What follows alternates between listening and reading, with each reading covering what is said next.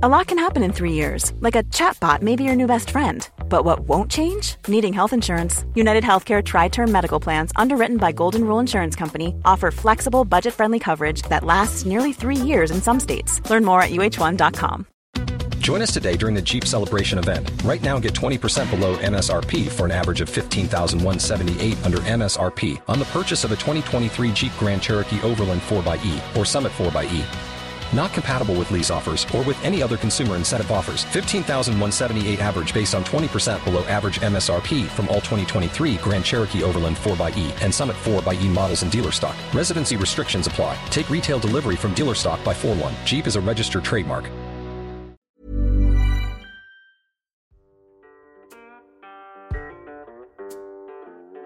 Du kommer nu att få lyssna. En podcast om självhjälp mot smärta och stress med mig, Björn Rodin och med mina kollegor från Kaladius Rehab. Varmt välkommen.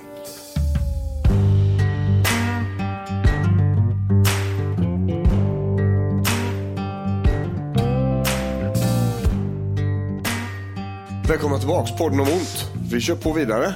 Vi ska göra en uppföljning utav det förra avsnittet. Just det.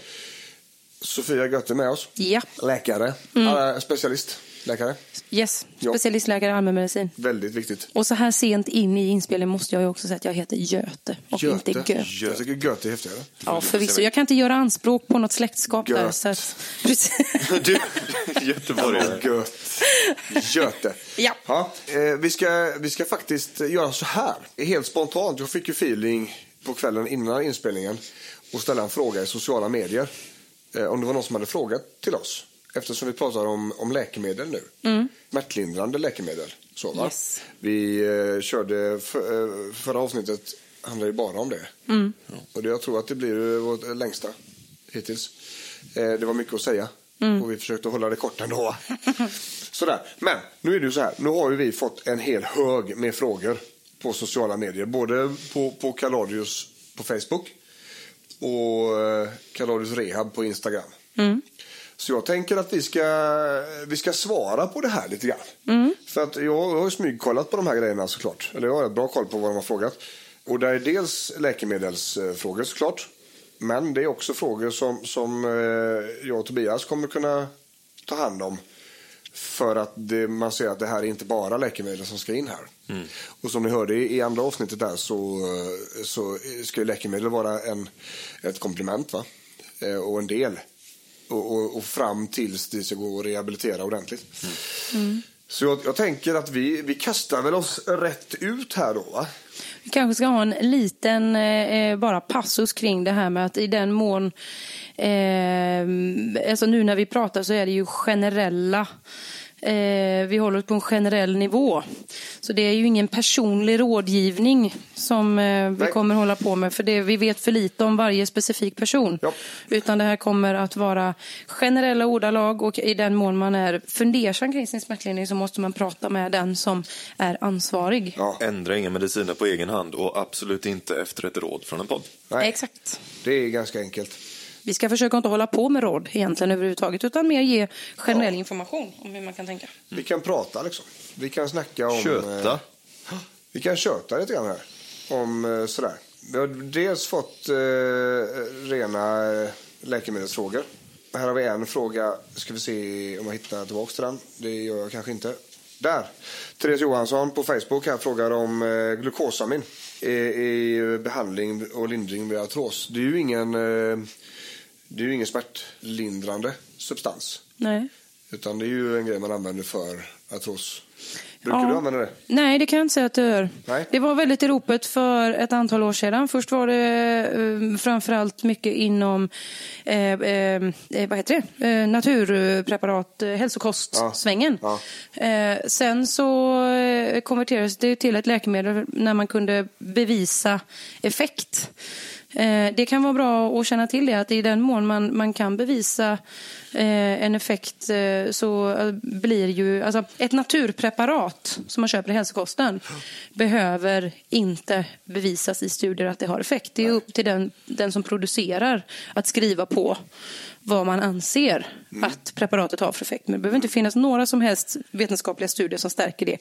Men man fann ju att det var många som hade effekt av glukosamin. Och eh, så vitt jag är informerad i alla fall eh, så konverterades detta till ett läkemedel man började använda det. Jag använder inte det idag och det verkar ha fallit ur behandlingsrekommendationerna också så vitt jag vet. Det finns fortfarande att få tag på, Ja, tror jag. Hälsokosten har ju det. Eh, Så att, och det är ju samma sak som det här med strandnypon. är det ju många som använder mot artrossmärtor också. Känner inte till om det finns någon vetenskap kring det heller. Eftersom det är ett naturpreparat så kan man utgå ifrån att det i alla fall inte är visat ännu tillräckligt starkt att det har någon, någon effekt. Men om man upplever att det är bra och det inte skadar dig och det inte ruinerar dig heller så får man fatta ett eget beslut kring Ja, det. precis. Det, när jag testade det för min artros så, så läste jag siffror på att det är ungefär verksamt hos 50 procent av populationen. Det är liksom hälta hälta. Så. Eh, Och att det tar ganska lång tid att testa. Det tar eh, alltså veckor och månader innan det får effekt, om det har effekt. Så att eh, det är lite grann sådär. Ehm, Funkar det så funkar det. Testa. Det om det inte sabbar din ekonomi eller din eh, mage eller sådär. Eh, här har vi en annan. Vi har Malin Andersson också på Facebook. Jag har haft problem med smärta i nacke och huvud sedan 2012 ungefär. Blev hyfsat hjälp av en gram paracetamol och 400 milligram ibuprofen på morgonen. Nu har min doktor tillsammans med smärtmottagningen kommit fram till att jag möjligen kan ha läkemedelsutlöst huvudvärk och satt ut mina tabletter. Så jag har varit utan smärtstillande sedan december och har fortfarande ont i huvudet och fått värre värk i nacken, eh, lederna, musklerna. Snart sju veckor utan att börja sätta sina spår. Eh, använder TENS, får, får mer ont i muskeln utav detta. Och fått göra töjövningar och göra som jag gör dagligen, men blir inte bättre. Har träffat flera eh, fysioterapeuter. Det har vi lite olika, tänker jag. Ska vi börja snacka om läkemedelsutlöst? Nej. Det kan vi göra. Det är ju spännande. Ja. Nu. Vad händer där? Alltså, att, att stå på läkemedel över tid, det gäller ju inte bara smärtläkemedel utan det gäller ju även andra typer av läkemedel. Vi har podkatt. Kakan. Podcasten är med idag. Och- Han fick vill- feeling och körde ett race i den här enorma kattställningen. Ja. Ja, hon vill ju liksom eh, pocka på uppmärksamhet här. lyckades och jag tappade tråden lite grann. Ja, Ehm, läkemedelsutlöst. just det, eh, precis. Eh, så. Det kan ju alltså, man kan ju alltså få eh, läkemedelsutlöst eh, smärta och huvudvärk är ju inte ovanligt i det sammanhanget. Men det kan även vara mer diffusa smärtor i kroppen av flera olika typer av läkemedel. Det är inte bara smärtstillande. Nej. Men står du på smärtstillande länge så kan du alltså få en läkemedelsinducerad smärta. Och det, det kan vara allt ifrån paracetamol till, till eh, opiater. Ja. Att ta ett läkemedel regelbundet över tid Ja. är inte okomplicerat. Nej, så är det. Det Eh, drabbar ju inte alla, men vissa kan få problem. Även av det man kan tycka då liksom är snälla preparat som Ipren och Alvedon och så. Men eh, sett över tid, absolut risk för det. Och jag, jag tänker ju nästa steg då va. Hon har haft ont länge. Och eh, ni som har lyssnat på podden innan, sp- speciellt smärtavsnittet där, ni vet om att smärta blir värre över tid. Det är ju utan tvekan en stress att ha så ont så länge. Definitivt. Speciellt huvudvärk då, tänker jag. Eh, och då vet vi inte hur resten av livet ser ut. Att när hon använder TENS, alltså eh, elektrisk eh, stimulans utav huden här framförallt då, får mer ont i musklerna utav. Det blir lite små muskelihopdragningar där. Det talar också om för oss att det finns en ganska hög spänningsgrad i kroppen och en ganska hög smärtbild överlag. Jag tänker så här att eftersom tensen eh, gör eh, ondare och inte blir så mycket bättre utav fysioterapi så låter det som att eh, den muskulära faktorn här är ganska stor. Kroppens egen spänning. Ja, och det landar ju i stress hur vi än vänder på den mackan. Så jag tänker att eh, där hade vi nog börjat Ja. med stresskontrollen. Skapa en, en eh, översyn över hur mycket stress är det i livet egentligen. Hur mycket energi finns det? Hur sover man? Hur, eh, sådär. Det här verken kan ju påverka väldigt mycket. Vi har ju dock ingen information om vad som hände varför det har varit sedan 2012. Finns det en whiplash till exempel så, så har man ju en, en rehab att göra. Em, sådär. Men jag undrar, är det, är det rimligt att sätta ut all medicin i ett sånt här läge? Eller skulle, skulle man ha, sta, ha haft ett annat läkemedel eller grunddos av något slag? Eller gör man så här? Det beror väldigt mycket på hur situationen ser ut från början. Men eh, Eh, det kan finnas en anledning att plocka bort. Eh, allting. Generellt eh, kan man väl säga att man vill inte göra för mycket läkemedelsförändringar på samma gång. För du måste veta vad är det du utvärderar egentligen. Eh, men ehm, i det här specifika fallet är det svårt, att- svårt att uttala sig. Här har även smärtspecialisten varit inkopplad. Så att, här får man väl utgå ifrån att det finns liksom en, en grund för att göra som man har valt att göra i det här specifika fallet. Och i, det- i det här fallet säkert så. Säkert så. Ja. Men, Men, men det, det, kan, det kan se annorlunda ut om det hade varit en, en, en annan situation. Så det är inte självklart att man bara sätter ut all smärtlindring och hoppas att det inte går åt skogen. Utan det, det finns, gör man det så finns det en plan och en poäng med varför man gör det i så fall. Och det är ju det är ju många som får väldigt mycket medicin väldigt snabbt. Och här har vi, vi har flera stycken här på Facebook som är eh, som väljer smärta framför biverkningar och, och som väljer eh, smärta framför mediciner. Och det tänker jag, det, det ska vi nog prata lite grann om. För det gjorde vi inte på förra avsnittet. Nej, Gjorde vi inte? Det gjorde inte det, nej. Och det är jävligt vettigt att göra det. absolut. Eh, vi har ju en mitt emot oss här som, gör, som väljer smärta också. Som tar det valet ibland. Eh, Men vi, när vi träffar folk på Kalorier så, Tobbe, så är det väldigt många som har ett motstånd mot värktabletter. Eh, av egentligen ideologiska skäl. Ja. Fast... De, va? ja, precis. De, de tror, eller de, de har en föreställning om vad det är för någonting. Eller, Ja, och det kan ju såklart finnas alltså bagage med sig. Det kan ju finnas ett missbruk, det kan ju finnas en Jo, uppväxt runt missbruk med tabletter och så vidare. och så vidare. Men det finns en inställning ibland om att man är lite... eh, Man reder sig själv. Förkämpe mot medicin. Exakt, bara eh, stolt över att man inte går på de här grejerna Ja. Nu. Men, men det finns ju konsekvenser utav det. Ja. Dels för att eh, smärtan blir ju negativt påverkad ju mer och längre man har haft den. Och om man inte får ner den med eh, mjuka metoder så att säga så måste man ju ha hjälp. För att, att gå runt och ha ont och ha konsekvenser för alla delar i kroppen, både psyket och, och kroppen. Sådär, va? Eh, Jag vet, vi pratade en del om, tidigare idag om smärtspiraler. Man vill bryta Ja. det här, ta två tabletter och ring mig imorgon. Mm. Skojuttrycket. ja, precis. Det, det finns ju en tanke bakom det. Ja.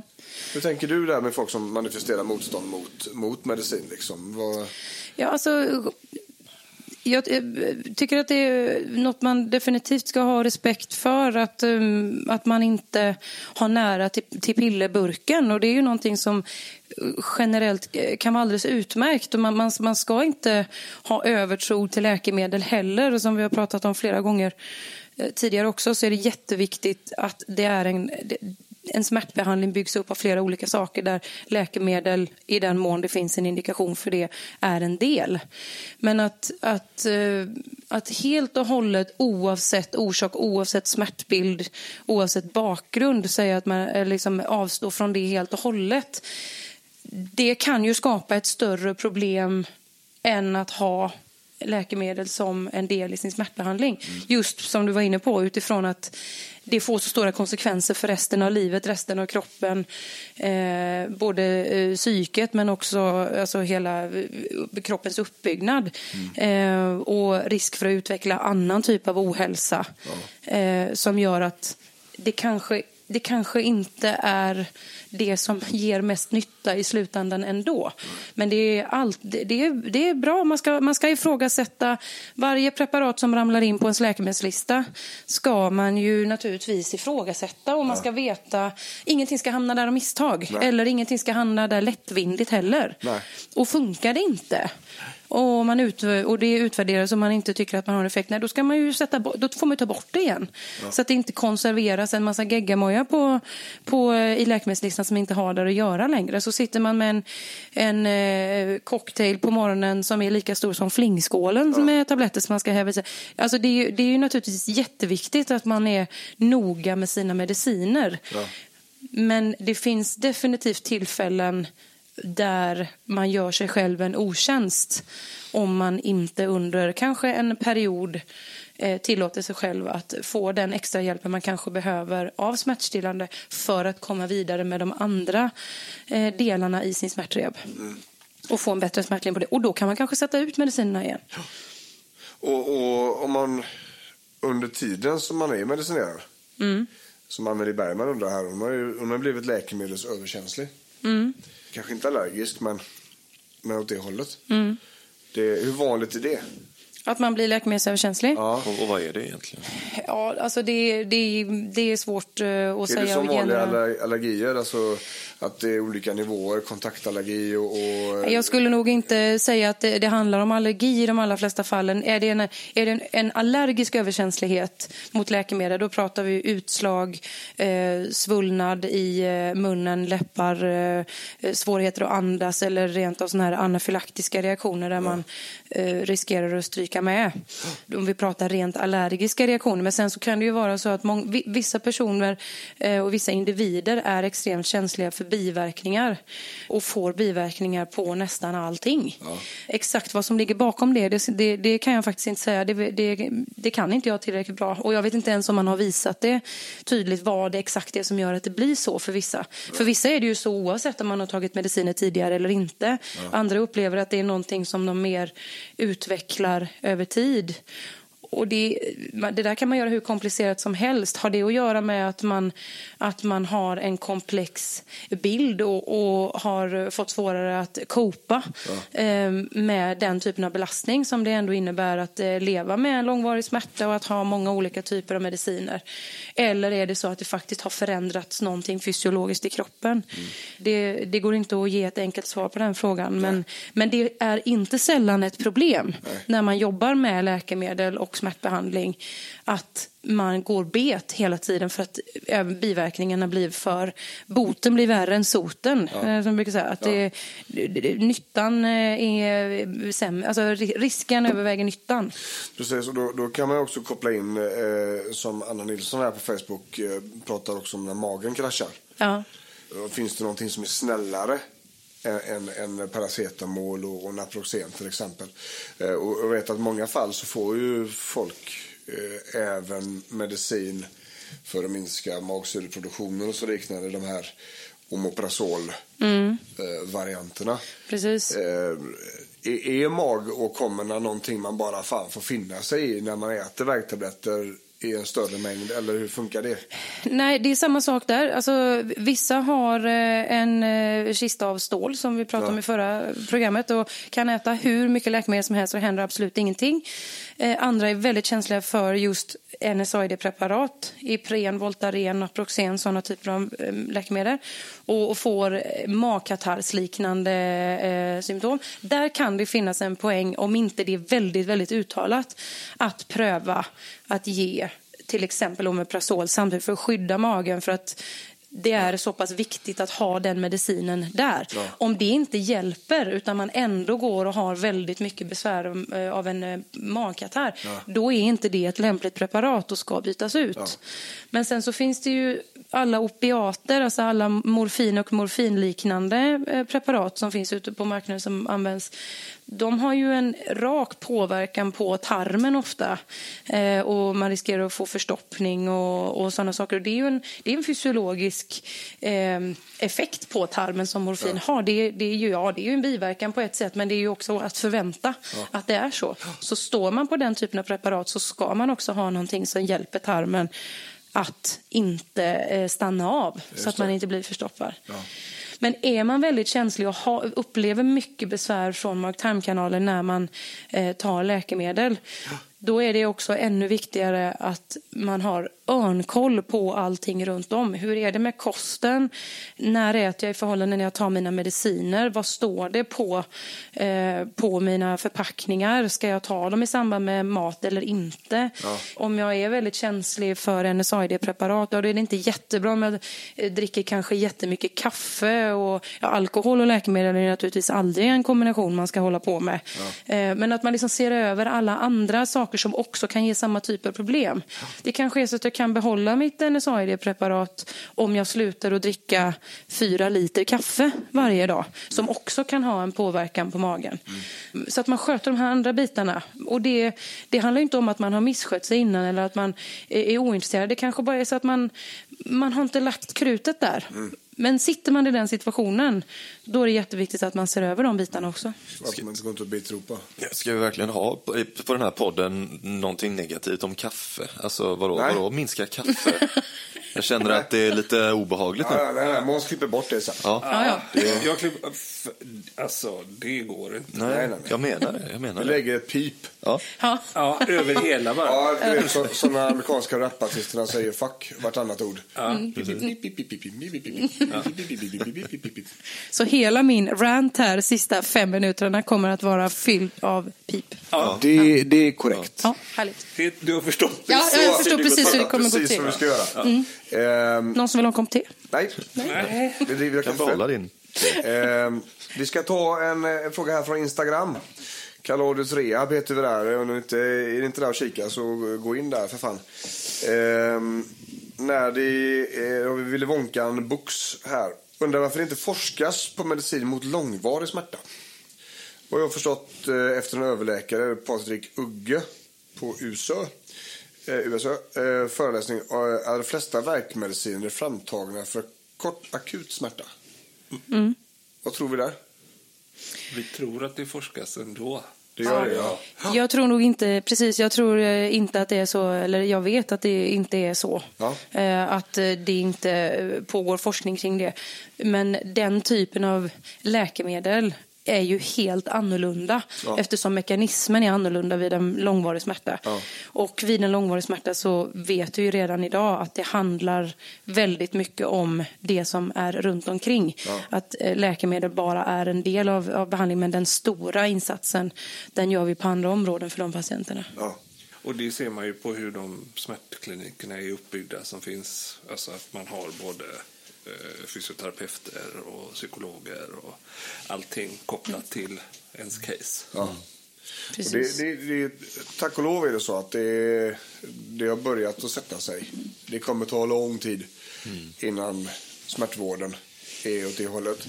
Men det, det börjar ju att röra på sig. Det, det, vetenskapen går ju inte åt något annat håll Nej. än att det är den biopsykosociala synsättet man behöver ha på behandling. Med multimodala team. Multimodala team, alltså mm, eh, team med flera olika yrkesgrupper inom vården. S- Så. Precis. Ehm, och det Och det, alltså det vet man ju, kunskapen finns ju. Ja, ja. Men att eh, vrida runt det här, den här fullständiga kolossen som är vår vårdorganisation idag. Ja. Det tar oerhört lång tid och är ett väldigt segt projekt. Så det, det, det, Och väldigt kostsamt projekt. eh, Kostsamt också. Men det, det jobbas på det och som du säger, det, man, man ser att det, det händer saker. Ja. Och det är ju väldigt tur. Och mycket är en resursfråga. Ja. Man ska ju naturligtvis eh, ha rätt personer med rätt kompetens, hitta helt nya sätt att jobba. Ja. Det tar tid och det ska, det ska göras eh, på ett sätt som blir patientsäkert och, och sådär. Men det, det finns nog ändå gott hopp om att det kommer att bli väldigt mycket bättre. Jag tror också det. Så, så småningom, men det kommer ta tid alltså. Eh, Och fram till dess så kanske en podd funkar. För vissa i alla fall. Kan absolut bidra Ja, med positiva precis. saker. Vi ska, vi ska kolla vidare på Instagram där. Då är det Asa Stelin Barén. Med långvarig verk under många år blir en hel del antiinflammatoriskt och Alvedon. Hur länge, eller har ställt frågan till läkare hur länge man kan ta dem. Och hur de påverkar men inte fått något riktigt svar. Nej. Och det, det tänker jag, innan vi börjar att snacka om eh, själva preparaten. Så tycker jag så här, får hon inte ett vettigt svar av läkaren på en, på en ärligt och rak ställd fråga, så byt för fan läkare. Alltså, helt, Ställ dem, ställ dem mot väggen med helt frågan. ärligt.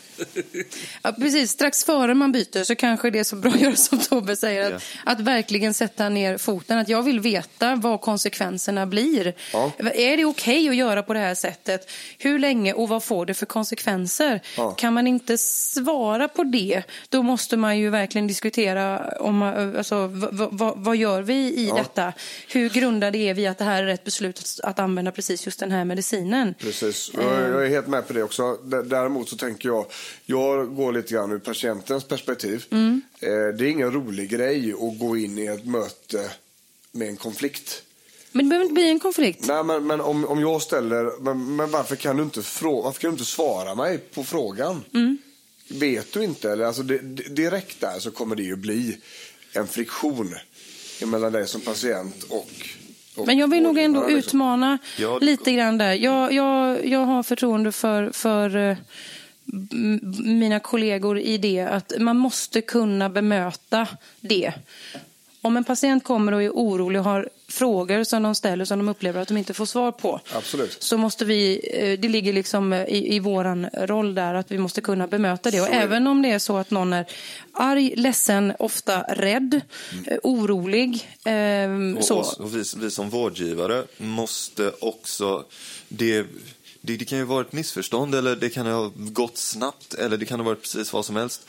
Om man helt plötsligt har, har en, en patient som sticker och så får man aldrig höra från, från den personen igen. Då undrar man ju lite, okej men vad var det som hände där? Då, Precis. då känner jag att då, då fick, fanns det ju, finns det ju inte ens en rimlig möjlighet att få hjälpa. Utan personen upplever att de inte har fått ett svar och så går de och så byter de utan att ha tagit upp problemet. Ja, Risken är ju att man inte ens har uppfattat själv att man har varit otydlig. Och det är ju synd för då, då har man ju inte någon möjlighet att, man får ingen återkoppling på det och då blir man ju inte bättre på det heller. Nej, det. Men jag Och förstår vad du menar. Vi är ju människor allihopa. Absolut, Liksom. och jag förstår att det kan vara jätteobehagligt och kanske då eh, ta lite strid med sin doktor. Men jag, jag vill nog ändå hävda att det, det ska inte behöva gå så långt att man behöver ta strid. Nej. En enkel fråga att jag förstår faktiskt inte varför jag har den här medicinen.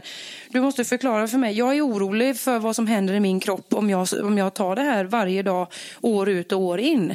Och det, det, den diskussionen måste man kunna ta. Känner man ändå att man inte når, når varandra eller faktiskt inte får ett vettigt svar. Det finns ju naturligtvis säkert eh, både gånger och eh, personer naturligtvis även inom mitt skrå som, eh, som inte kan ge ett bra svar på den frågan och där det, där det har fallerat. Och känner man då att man inte har något förtroende för den, den doktorn, ja naturligtvis så står det en helt fritt att, eh, att byta. Självklart är det så, det är ju därför vi har det fria vårdvalet. Men, men lite grann som Tobbe säger, det, det är väldigt synd att byta en kontakt, särskilt om den har pågått under lång tid. Eller att man är mitt uppe i någon form av behandling, nedtrappning eller vad det nu än kan vara för någonting.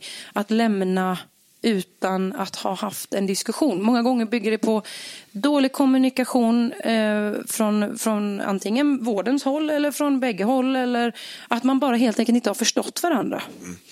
Och det är väldigt synd om det faller på en sån sak, för det går väldigt ofta att reda ut. Om man bara eh, blir varse att det är det som är problemet. Ja, och att man orkar ta den. Ja. Och det, det är väl lite grann där som, som X-faktorn ligger då. Mm. Man ska orka. Och då får man ju hoppas att det finns energi till den dagen. Och vi tycker att ska man, om man har bokat ett lä- läkarbesök liksom, då, då ska man nog ha försökt att vila innan lite grann. Mm. Om, man, om, man har, om man har smärtbilden liksom. att man jobbar med pacingen där. Man vilar innan och man tar, vilar efteråt. Mm. Vad tänker du Måns? Om man har eh, familj kan man ju ta med sig någon annan som kan ta diskussionen. Smart. Så slipper man. Ja, definitivt så. Man ska inte heller eh, faktiskt glömma bort det här liksom att om man, om man sitter, alltså att bara att sitta i, en, i ett patientmöte eller snarare sitter i ett möte med sin doktor. Det är en ganska extrem situation. Det är många som upplever när de går därifrån att de inte minns vad som var sagt. För man är anspänd, man har mycket kanske man vill, man vill säga, man är orolig. Eller så är man bara eh, trängd av hela situationen för man sitter med sin vårdgivare. Det är jobbigt. Är det alltså det, det, är bra att ha med sig någon om man känner att man lätt hamnar där. Det är, inget, det är inget fel, det är jättevanligt att man går till sin doktor och så går man därifrån så minns man inte vad planen var. Mm. helt utan att man behöver ha en smärtproblematik eller det, man kan vara där för något ganska banalt men det är någonting som händer. Mm. Det är väldigt lätt att, att, inte riktigt ta in vad det är som sägs. Mm. Och är man dessutom då trött och man har ont och det är, det är mycket som inte funkar i livet mm. så tror jag inte att det blir lättare att vara mottaglig i, i det. Och, och, då kan det vara jättebra att ha någon med sig som också kan hjälpa till och komma, hjälpa åt, hjälpas åt efteråt. Men vad var det vi sa? Vad, vad var det vi kom, kom fram till? Mm. Jag använder ofta papper. Mm. Att jag skriver ner och ger till patienten vad vi har kommit överens om så man kan gå tillbaka mm. och se. Vad, när var det jag skulle höra av mig om det här inte funkade? Eller när var min telefontid? När kommer doktorn ringa upp mig? Eller vad det nu kan vara för någonting. Och det är lite bra också eftersom du har läkarhandskrift. Mm. Så kan man inte läsa det i alla fall. Nej, precis. Man skickar det till Etnografiska museet först. Precis. För tydning. Då har man ju alltid ryggen fri som ja, doktor. Smart. Nej, ja. jag, brukar, jag brukar försöka att eh, skärpa till min handstil eh, när, det, när det kommer till den typen av eh, papper och ja, skrift. Ja, jag tycker det är jättevettigt. Och även som man säger att eh, om man är osäker på sin energi och att man ska ta en diskussion, mm. då, då går det att vara två så är det rätt snyggt alltså. Mm. Det. det. blir ju inte en konflikt eller en... Alltså i andra situationer där man är fler på ena sidan så kan det bli lite ojämvikt. Men det blir ju inte det i en vårdsituation. Nej, nej. För nej, det är ju inte konstigt att någon är med. Så är det ju. Och vi, gör, vi gör ofta så på, på konstellationer hos oss att det kommer två. Mm. Eh, för att den ena är så pass illa däran. Och, den andra, dels som stöd och skjuts också. Men också att, att eh, man ska komma ihåg alla små problem eller alla grejer man har tänkt på. Mm. Sådär, va? Det kan ju även vara jättebra som doktor att få prata med någon anhörig. Ja. Hur är din bild? Ja. Upplever du? Precis, och vad, vad, har du sett under de sista månaderna? Det, det kan vara oerhört eh, eh, lärorikt och eh, man kan få fram väldigt viktig information av anhöriga. Mm. Så att eh, i regel så är det bara positivt. Mm. Och det handlar inte om att man ska mobilisera, gå in och liksom eh, börja bråka med doktorn, utan det handlar ju om att göra, alltså att klargöra saker, att, att alla vet vad som gäller, att alla har samma syn på saker och ting, att alla vet vad planen är. Mm. Så att man hjälps åt eh, att få det här så bra som möjligt. Mm. Ja, det är det alla vill liksom någonstans. Ja. och ibland blir det konflikt och då får man försöka hantera det. Mm. Vi får försöka hantera det från vårdens sida.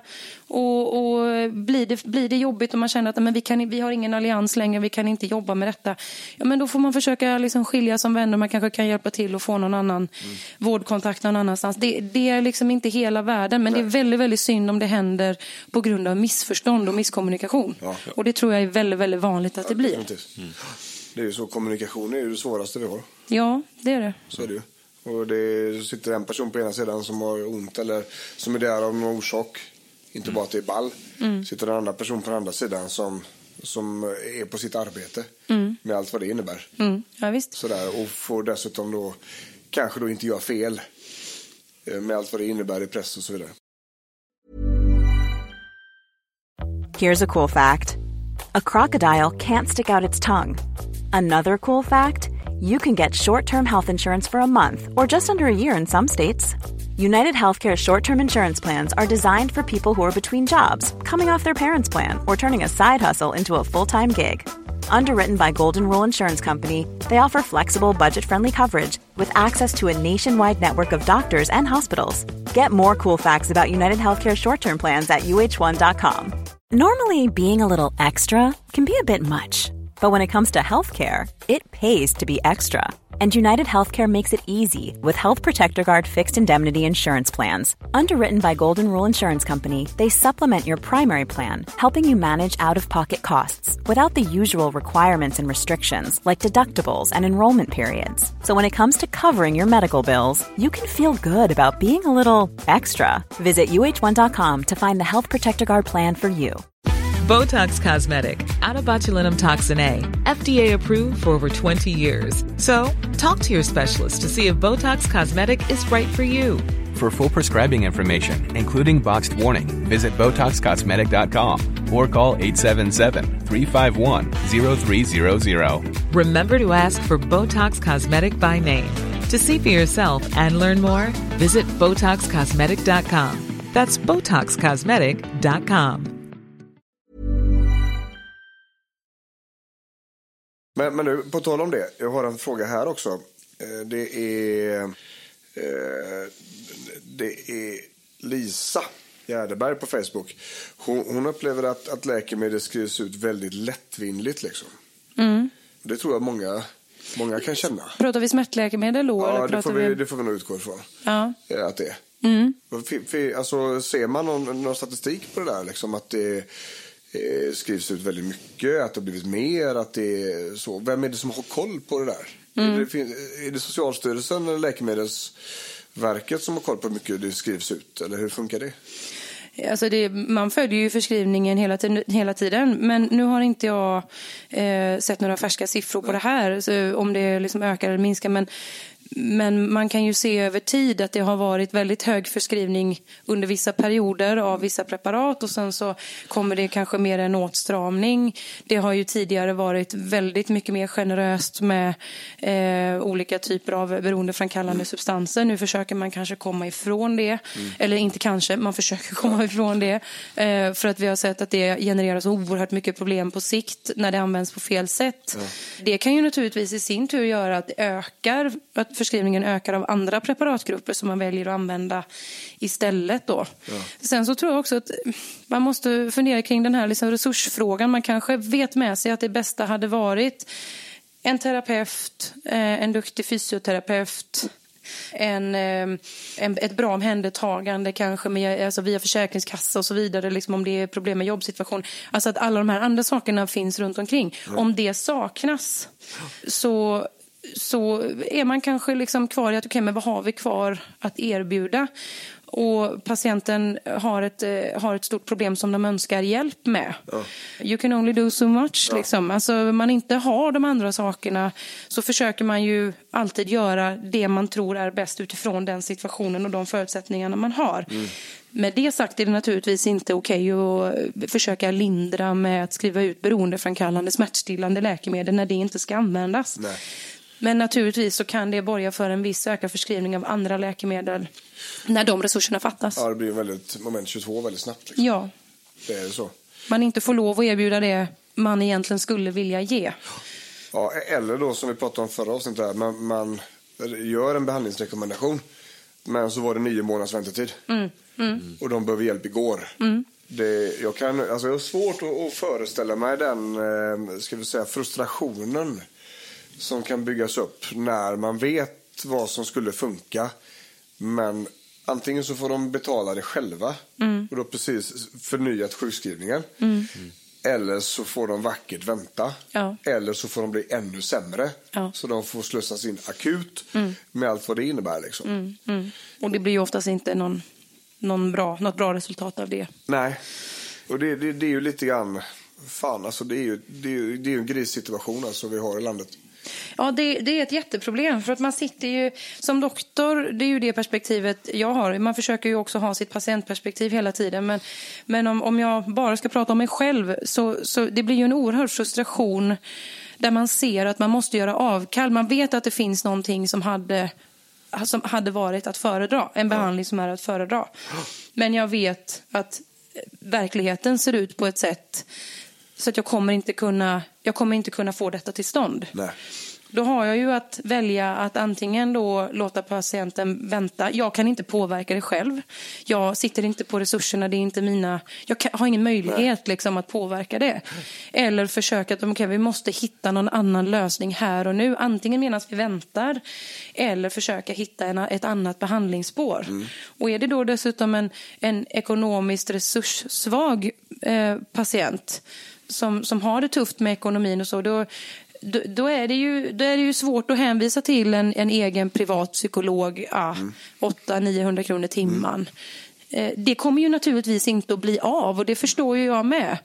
Och då, kan man ju liksom, då vill man ju hitta något annat alternativ Mm. som funkar för den patienten. Men det blir ju inte förstahandsalternativet. Men tror du, tror du att det är så eh, att, att när eh, det sitter en läkare framför ett moment 22.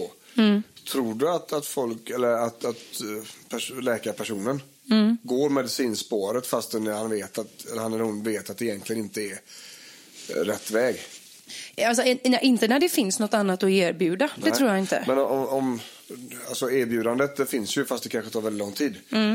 Eh, fast de behöver hjälp idag. Är det så att man försöker hitta medicinska vägar fast de kanske till och med är långsökta? Eller, eller eh, försöker man på något vis få patienten till att du får vänta ut detta nu men det kommer. Eh, sätt upp det på reservlistor eller väntelistor och sådär. Eller? Precis. Det beror väldigt mycket på situationen. Ja. Eh, för där är inte patientpers- alltså där är viktigt att ha patientperspektivet också. Ja, vad är bäst för dem, liksom? mång- ja, och många patienter i det läget kräver ju någonting. Mm. Jag, går, alltså, jag kan inte vänta i, i fyra månader. Du måste göra någonting nu. Mm.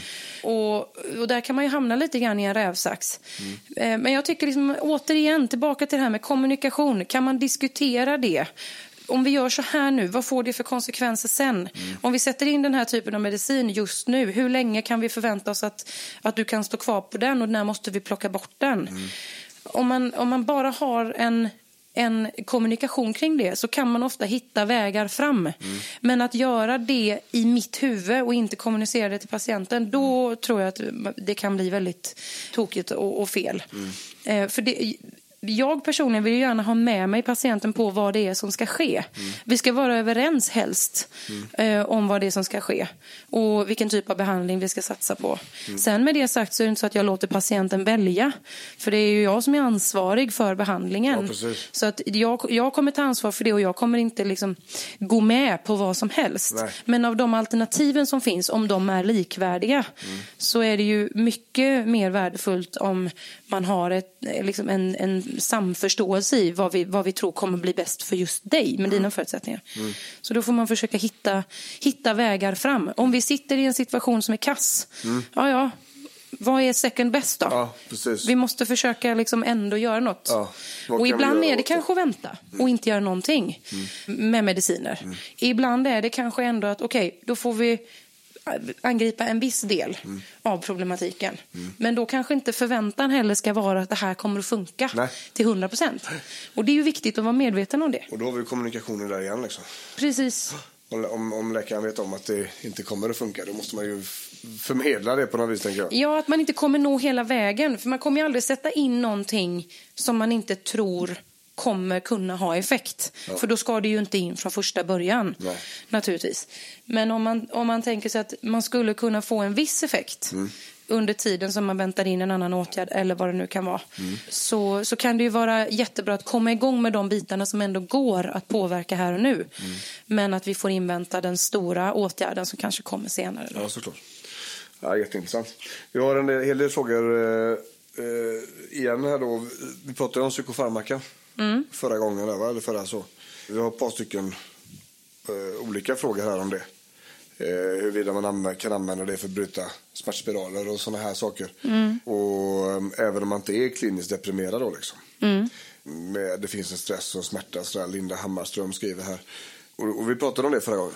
Jag tänkte det, det är så pass viktigt ämne, känner Ja. jag. Eh, och så pass... Eh, ja, det, om, vi, om vi skulle få säga vad vi upplever som största kommunikationsproblemet idag mellan patienter och läkare när det gäller medicinförskrivning så är det nog när man har fått psykofarmaka utskriven. Eh, För sin smärta. Ja, för sin smärta. Ja. Som ger störst konsekvens. Ja, ja precis. För att det, det, jag, jag kan inte riktigt svara. Jag, man blir ju inte med på mötena så att säga. Nej. Eh, vi kan inte riktigt förklara varför det är så. Men de är i princip oinformerade om hur det funkar. Ska vi dra det igen? Ja, jag tycker det. Det är en sån viktig punkt, så jag tror att det är bra. Och om vi börjar från början då, så, så är det så här. Det finns ett antal olika smärtor. Som vi pratade om förra gången. Det är lite djupare faktiskt tekniskt än vad första avsnittet på podden var. Alltså smärta och smärtlindring. Nu, nu bör- måste vi gå ner på tekniska nivåer för att olika preparat tar hand om olika typer av smärta. Då har vi nosiplastisk, vi har nociceptiv och vi har eh, neuropatisk. Det är olika. Eh, Och i den här läkemedelsdiskussionen så finns det också där när man får utskrivet antidepressiva. För att minska smärtan, för att minska lidandet, för att minska eh, Eh, och för att öka kroppens egna smärtlindrande funktioner. För vi har egna prylar också. Kan vi nämna, vad, vad, vad, vad säger vi där då Sofia? Ja, alltså... Jag säger ju samma sak hela tiden. Det är återigen kommunikation. Ja. Det handlar om att eh, den, den, den här preparatgruppen går sedan länge då under, gruppen, eller under namnet psykofarmaka eller antidepressiva. Eh, Det är ofta där det har börjat. De de är framtagna eh, för den, för den typen av ohälsa från början. Ja. Sen är allt eftersom att forskningen och vetenskapen har gått framåt så har man sett att man även kan ha effekt då på, på andra, andra tillstånd. Eh, inte bara smärta, utan det finns ju eh, andra sammanhang också där man kan använda den här preparatgruppen som inte har med depressivitet att göra. Så det är branding egentligen. Det är bara branding som gör att vi sätter oss i skiten hela tiden. Ja, jag, ja, jag tycker det. För det, det, handlar ju inte, det, det är ju inte bara antidepressiva längre. Nej. Och just när det kommer till smärtlindring då, då. Dels så finns det smärttyper som man kan ha en, smär, alltså en, en smärtlindrande effekt av oavsett närvaro och depression eller inte med den här typen av preparat.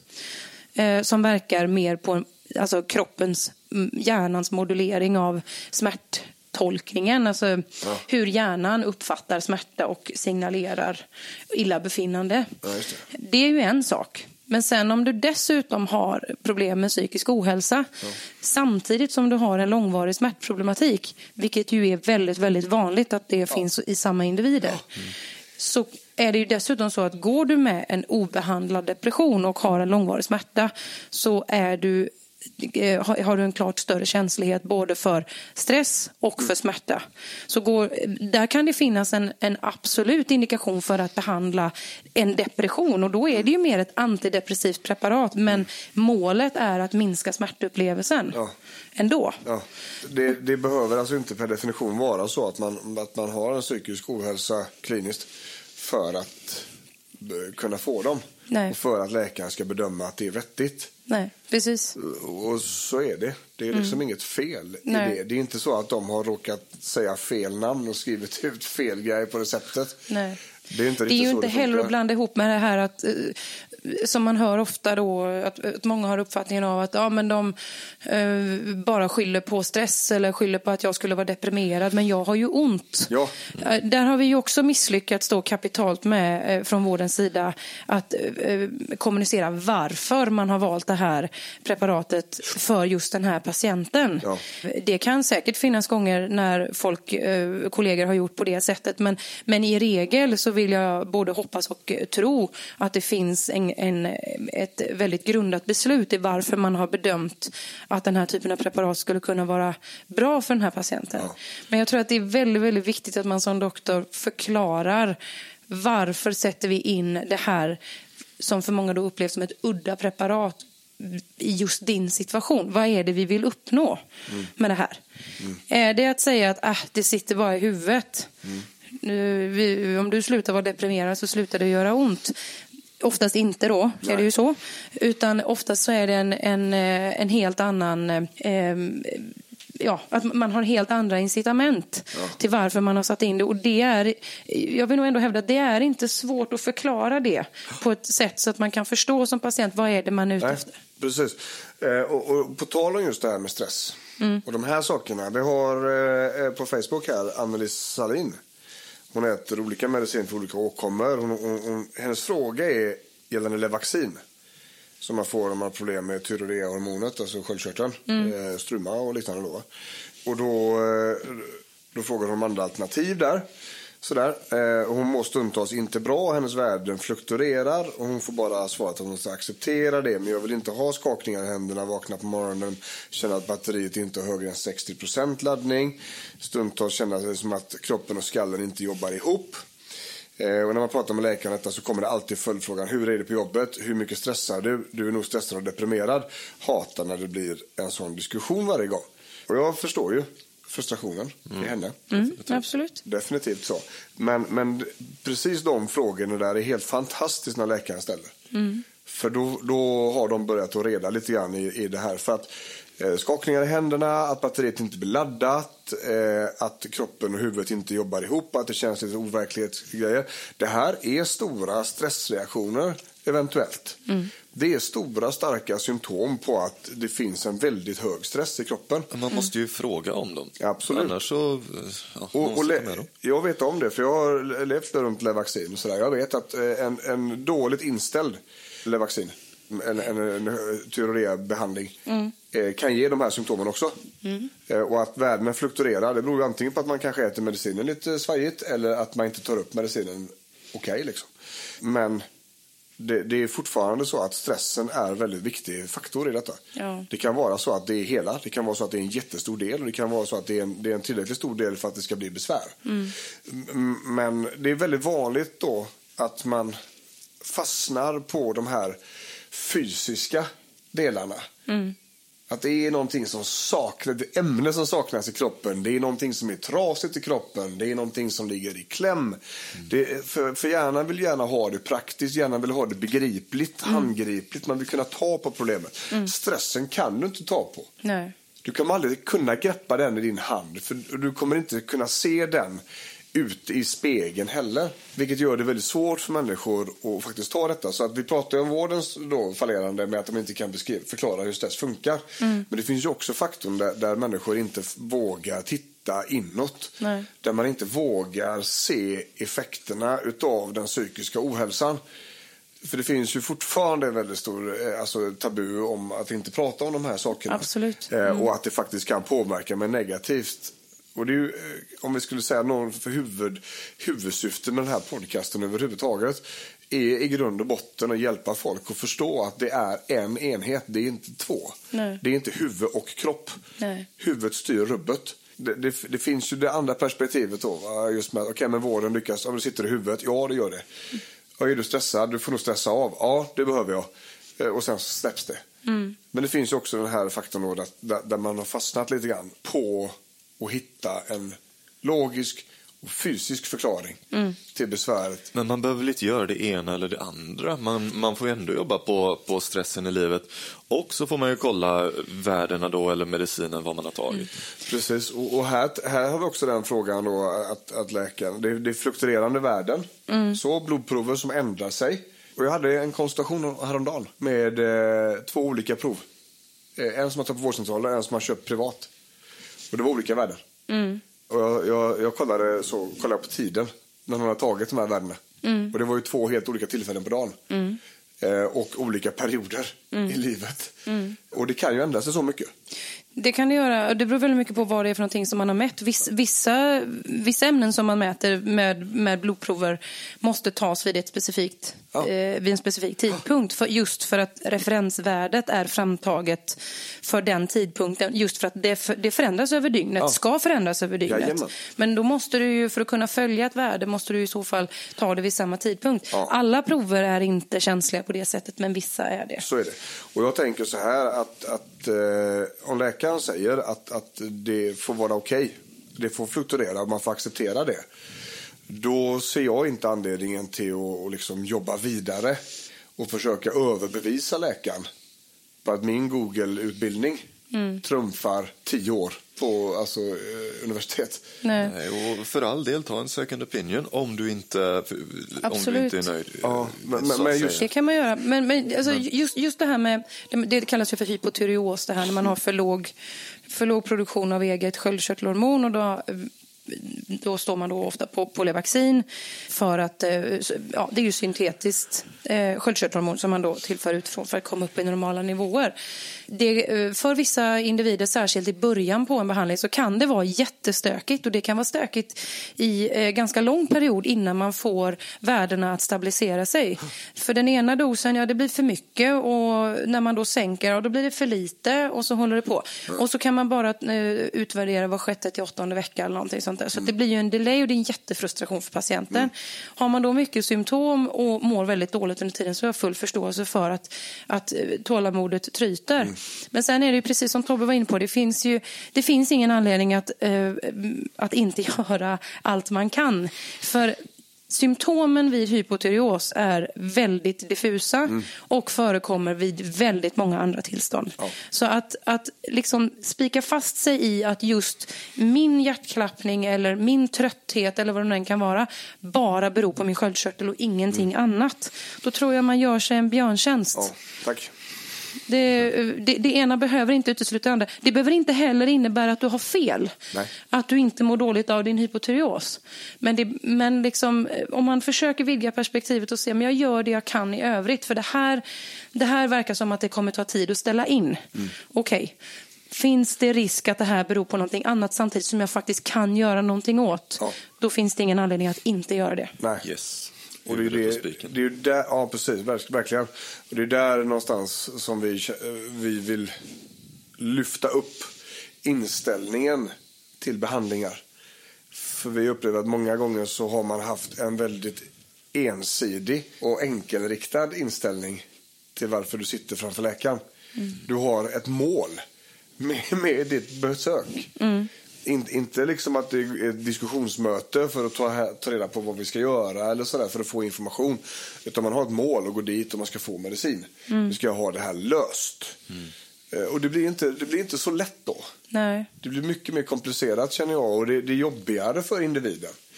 Ja, alltså risken, alltså man träffar ju en annan människa, det är klart. Eh, alltså när man går till, till sin läkare så är det, det är ju en läkare som sitter på, eh, på den andra stolen, men det är också en person. Eh, och det är klart att, att går man in med lite grann liksom attack i bästa försvar och vill tala om hur saker och ting ska gå till, så finns det ju naturligtvis risk att, att man, man blir lite aggressiv i den framtoningen och det kommer ju skapa reaktioner eh, hos, hos den som är doktor. Man kanske känner sig ifrågasatt och eh, upplever att ja, men det här är någon slags postorderverksamhet där man ska komma och beställa saker. Det är ju inte så det är, utan man kommer med, med ett problem och, och konsulterar mig som medicinskt då kunnig. Eh, och så ska vi förhoppningsvis liksom hitta en, en väg framåt där vi båda är nöjda. Och vi pratar ju om det här just i, avsnittet rehab eh, utan operation. Eh, hur, hur det är att vara, att man kommer förberedd. Ja, just det. Just det. A- Att, att du ska inte tala om för läkaren vad du har. Utan du ska tala om dina besvär. Och så är det läkarens uppgift. Och vi snackade med, med, med en läkare, en annan kompis till oss, som sa det att idag så handlar det inte om att ställa diagnos. Idag handlar det om att överbevisa patientens googling. Ja, lite så kan det vara ibland. Och, och, och det blir ju en helt annat sätt att förhålla sig till då. Det, det, det finns ju inga yrken, inga människor som tycker om när det kommer in en människa och talar om hur jag ska göra mitt jobb. Nej. För det är nedvärdering. Ja, det, det är liksom en invalidering utav... Precis, det skapar en ingång i det mötet som Ja. inte kommer gynna patienten. Nej. För risken är ju att den som sitter i stolen faktiskt känner sig... Det är ju inte det att man ska liksom klappa doktorn medhårs och liksom hålla på på något sätt. Absolut inte. Nej. Men det är precis det du säger. Man sitter där med med förhoppningsvis då en hel del medicinsk kompetens att bedöma komplicerade medicinska situationer. Där det väldigt sällan finns en enkel lösning på ett väldigt svårt problem. Och man får börja med att, som du säger, motbevisa en patient som kanske är påläst och duktig eh, och kan mycket och har vettiga, svåra frågor som verkligen kan putta ut den på kanten. Men, men man får liksom börja med att, för, att förklara varför de har fel. Ja. Och det är ingen bra väg in. Nej, för då, då, om, du, om det kommer nu en människa som, som tycker att man har jättemycket information och man har tycker sig ha rätt. Så det, först har de börjat invalidera din Mm. yrkesroll nästan. Och sedan så måste du plocka ner dem för att de har fel. Ja. Eh, det- är ju en rätt dålig start på en relation. Det är ingen bra start på en relation. Nej. Precis, och det kommer påverka alliansen, alltså Ja. Mm. behandlingsalliansen väldigt mycket. Och det pratar vi väldigt mycket om. Tobias är jävligt, eh, han var ju tidigt ute med det där liksom och se till att det, det måste bli vi mot smärtan. Ja, exakt. Att vi bygger ett team, Definitivt. eh, ett, ett, ett, ett lag, ett krigslag emot det onda liksom. Det är vi mot smärtan. Det är inte jag mot dig Nej. och så smärtan i mitten. Där du försöker på ditt håll och jag försöker på mitt håll. Det är, det är inte så det funkar liksom. Utan det är, det är vi. Det är teamet. Och sen om det är en vårdcentralsläkare och du som människa. Det är skitsamma. Ja, Eller om visst. man har Kaladius och en psykoterapeut i, i ryggen. Det är teamet. Det är vi mot smärtan. Det är inte enskilda öar liksom som ska försöka överleva själv. Utan det här är liksom en enhet vi måste gå fram med. Och Men det har- definitivt inte jag mot dig. Nej, nej. Nej, nej, Definitivt precis. inte. Och har det blivit en sån situation, då är det jävligt viktigt att man snabbt löser den. Precis, och att man plockar upp och ser att det är precis just det som har hänt. Att man pratar om det. Vad är det som har hänt nu mellan oss här? Ja. Nu, nu är vi osams om någonting som ett problem. Vi, liksom, vi vill åt samma håll, men vi är ändå i konflikt med varandra. Jajamän. Hur har det blivit så? Ja. Och det, är- det, är en, det är en jätteviktig sak. Men du att man har en patient som är väldigt påläst och som har mycket frågor. Självklart ska man ställa dem. Mm. Jag har läst på här. Jag, jag tycker att detta ser ut som att det är det här och att vi borde göra på det här sättet. Ställ frågorna Mm. Ja. och så kan man diskutera det. Man kan i de allra flesta fallen också förklara varför man inte gör på ett visst sätt. Ja. Men, eh, men eh, ta diskussionen, ställ frågan. Ja. Det, han, det, det handlar ju om hur man, hur man är i ett möte med en annan person. Men det knyter ju in det här också att mm, byt inte bara. Nej, Utan, precis. utan eh, diskutera, ta upp det först. Precis. Och, och då under förutsättning att man har energi. Ja, så under förutsättning att man orkar. tar mer av dig. Det vi, kom Precis. det vi pratade om förra gången. Ja, precis. Ja, eh, vet ni vad vänner? Jag tänker att vi ska runda av där. Jag känner att vi är väldigt eh, bra framme med frågorna som har kommit.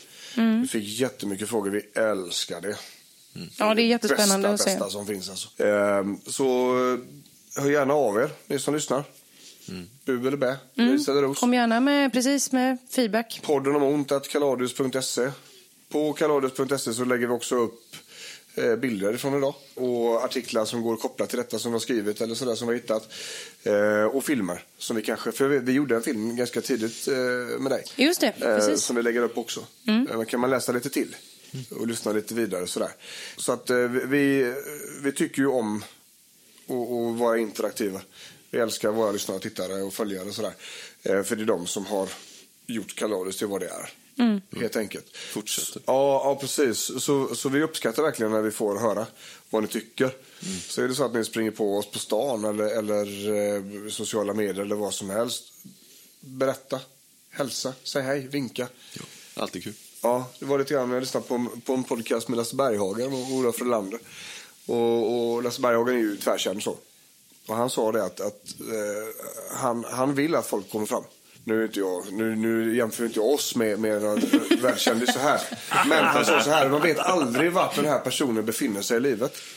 Hur känd den människan än är så är en, en uppskattning av det kommer sannolikt aldrig att vara dåligt. Nej, man blir, ju, man blir ju glad hur länge som helst. Ja, precis. precis. Och det ger energi och, och, och det kanske kommer någon tanke som man kan sätta igång en film med eller, eller ett nytt avsnitt på podcast och så vidare. Så interaktionen för oss är skitviktig. Liksom. Så vi vill gärna trycka på det som sista. Och Måns vill gärna också att man kommer fram till honom och Säg hej. pratar. Det vill jag så är det lite mer ljussjuk av oss. Nu tänkte jag att jag skulle sitta hela avsnittet och vara tyst. Ja, så fick inte du det? Nej. Fan. Fan och. Ja, visst. Vet. Ja, men vet ni vad? Ifrån eh, i förorten i Göteborg så rundar vi av den här frågestunden gällande medicin. Och eh, som då har vi fått in via sociala medier. Kaladius Rehab på Instagram. Kaladius professionell rehab och träning på Facebook. Så ifrån förorten i Göteborg säger Björn. Sofia? Hans. Tobias? Säger vi hej.